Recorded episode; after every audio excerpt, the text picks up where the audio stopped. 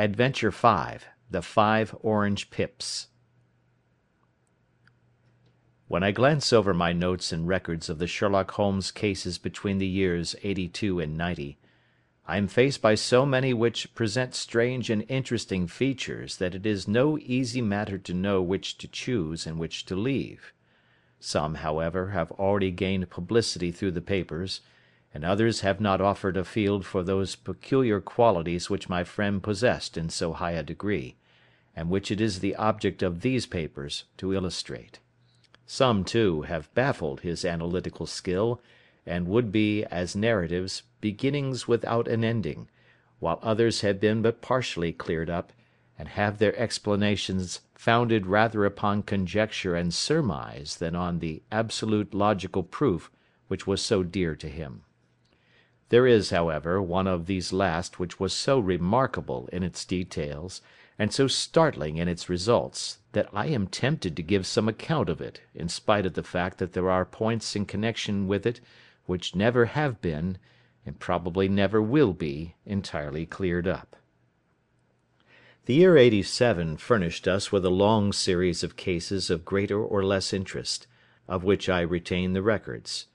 Among my headings under this one twelve months, I find an account of the adventure of the Paradol Chamber, of the Amateur Mendicant Society, who held a luxurious club in the lower vault of a furniture warehouse; of the facts connected with the loss of the British barque Sophy Anderson; of the singular adventures of the Grice Patersons in the island of Uffa; and, finally, of the Camberwell poisoning case.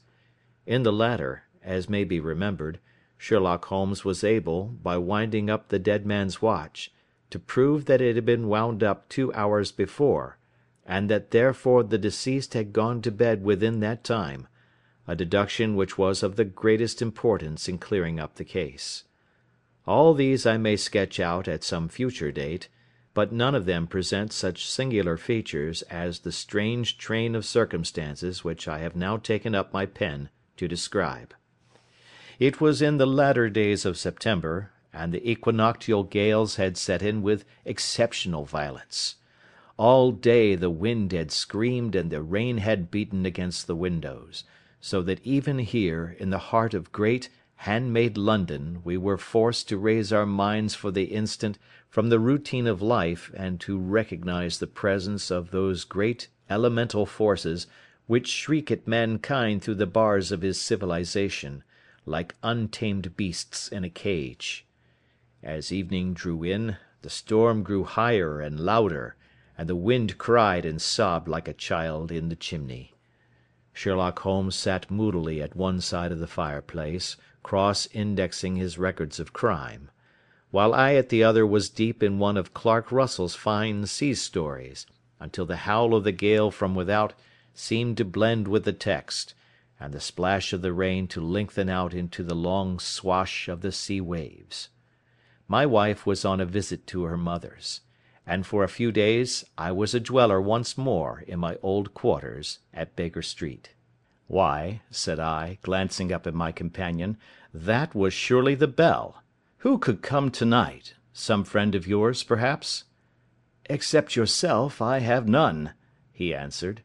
"I do not encourage visitors." "A client, then?" "If so, it is a serious case. Nothing less would bring a man out on such a day and at such an hour. But I take it that it is more likely to be some crony of the landlady's."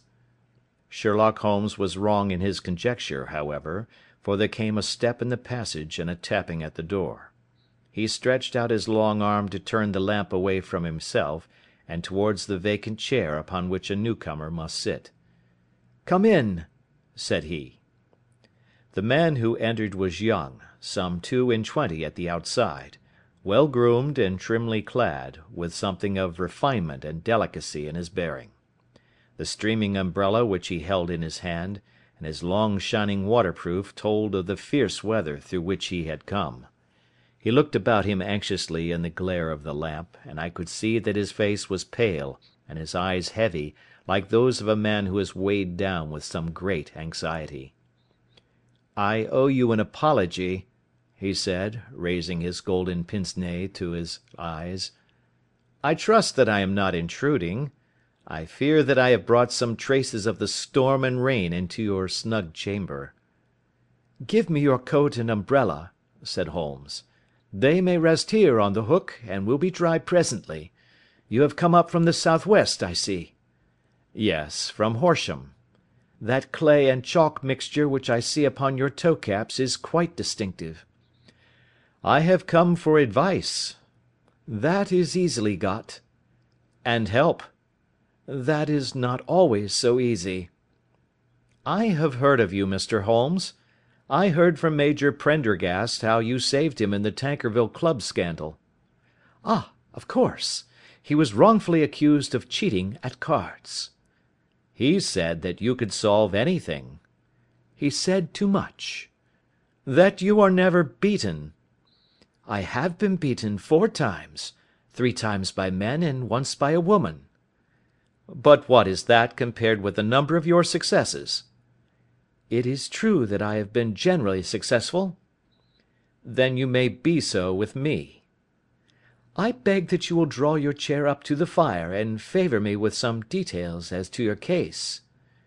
"It is no ordinary one." "None of those which come to me are. I am the last court of appeal." "And yet I question, sir, whether, in all your experience, you have ever listened to a more mysterious and inexplicable chain of events than those which have happened in my own family." "You fill me with interest," said Holmes. "Pray give us the essential facts from the commencement, and I can afterwards question you as to those details which seem to me to be most important." The young man pulled his chair up, and pushed his wet feet out towards the blaze. "My name," said he, "is John Openshaw, but my own affairs have, as far as I can understand, little to do with this awful business. It is a hereditary matter, so in order to give you an idea of the facts I must go back to the commencement of the affair. You must know that my grandfather had two sons my uncle Elias and my father Joseph. My father had a small factory at Coventry, which he enlarged at the time of the invention of bicycling. He was a patentee of the Openshaw unbreakable tyre, and his business met with such success that he was able to sell it and to retire upon a handsome competence. My uncle Elias emigrated to America when he was a young man, and became a planter in Florida where he was reported to have done very well. At the time of the war he fought in Jackson's army, and afterwards under Hood, where he rose to be a colonel. When Lee laid down his arms my uncle returned to his plantation, where he remained for three or four years. About 1869 or 1870 he came back to Europe and took a small estate in Sussex, near Horsham. He had made a very considerable fortune in the States, and his reason for leaving them was his aversion to the negroes, and his dislike of the Republican policy in extending the franchise to them. He was a singular man, fierce and quick tempered, very foul mouthed when he was angry, and of a most retiring disposition. During all the years that he lived at Horsham I doubt if ever he set foot in the town. He had a garden and two or three fields round his house, and there he would take his exercise, though very often for weeks on end he would never leave his room. He drank a great deal of brandy and smoked very heavily, but he would see no society and did not want any friends, not even his own brother. He didn't mind me; in fact, he took a fancy to me, for at the time when he saw me first I was a youngster of twelve or so. This would be in the year 1878, after he had been eight or nine years in England. He begged my father to let me live with him, and he was very kind to me in his way. When he was sober he used to be fond of playing backgammon and draughts with me, and he would make me his representative both with the servants and with the tradespeople, so that by the time that I was sixteen I was quite master of the house. I kept all the keys and could go where I liked and do what I liked, so long that I did not disturb him in his privacy. There was one singular exception, however, for he had a single room, a lumber room up among the attics, which was invariably locked, and which he would never permit either me or any one else to enter. With a boy's curiosity, I have peeped through the keyhole, but I was never able to see more than such a collection of old trunks and bundles as would be expected in such a room. One day—it was in March, 1883—a letter with a foreign stamp lay upon the table in front of the Colonel's plate. It was not a common thing for him to receive letters, for his bills were all paid in ready money, and he had no friends of any sort. "From India," said he, as he took it up. "Pondicherry postmark. What can this be?" Opening it hurriedly, out there jumped five little dried orange pips, which pattered down upon his plate. I began to laugh at this, but the laugh was struck from my lips at the sight of his face. His lip had fallen, his eyes were protruding, his skin the colour of putty, and he glared at the envelope which he still held in his trembling hand. "K K K!" he shrieked, and then. My God, my God, my sins have overtaken me!" "What is it, uncle?' I cried. "Death," said he; and rising from the table he retired to his room, leaving me palpitating with horror. I took up the envelope and saw scrawled in red ink upon the inner flap, just above the gum, the letter K three times repeated. There was nothing else save the five dried pips. What could be the reason of his overpowering terror? I left the breakfast table, and as I ascended the stair I met him coming down with an old rusty key, which must have belonged to the attic, in one hand, and a small brass box, like a cash box, in the other. "They may do what they like, but I'll checkmate them still," said he, with an oath. "Tell Mary that I shall want a fire in my room to day, and send down to Fordham the Horsham lawyer. I did as he ordered, and when the lawyer arrived I was asked to step up to the room. The fire was burning brightly, and in the grate there was a mass of black fluffy ashes as of burned paper, while the brass box stood open and empty beside it. As I glanced at the box I noticed, with a start, that upon the lid was printed the treble K which I had read in the morning upon the envelope. "I wish you, John," said my uncle, "to witness my will. I leave my estate, with all its advantages and all its disadvantages, to my brother, your father, whence it will, no doubt, descend to you. If you can enjoy it in peace, well and good. If you find you cannot, take my advice, my boy, and leave it to your deadliest enemy. I am sorry to give you such a two edged thing, but I can't say what turn things are going to take. Kindly sign the paper where Mr. Fordham shows you. I signed the paper as directed, and the lawyer took it away with him. The singular incident made, as you may think, the deepest impression upon me, and I pondered over it and turned it every way in my mind without being able to make anything of it. Yet I could not shake off the vague feeling of dread which it left behind, though the sensation grew less keen as the weeks passed and nothing happened to disturb the usual routine of our lives. I could see a change in my uncle, however. He drank more than ever, and he was less inclined for any sort of society. Most of his time he would spend in his room, with the door locked upon the inside; but sometimes he would emerge in a sort of drunken frenzy, and would burst out of the house, and tear about the garden with a revolver in his hand, screaming out that he was afraid of no man, and that he was not to be cooped up, like a sheep in a pen, by man or devil.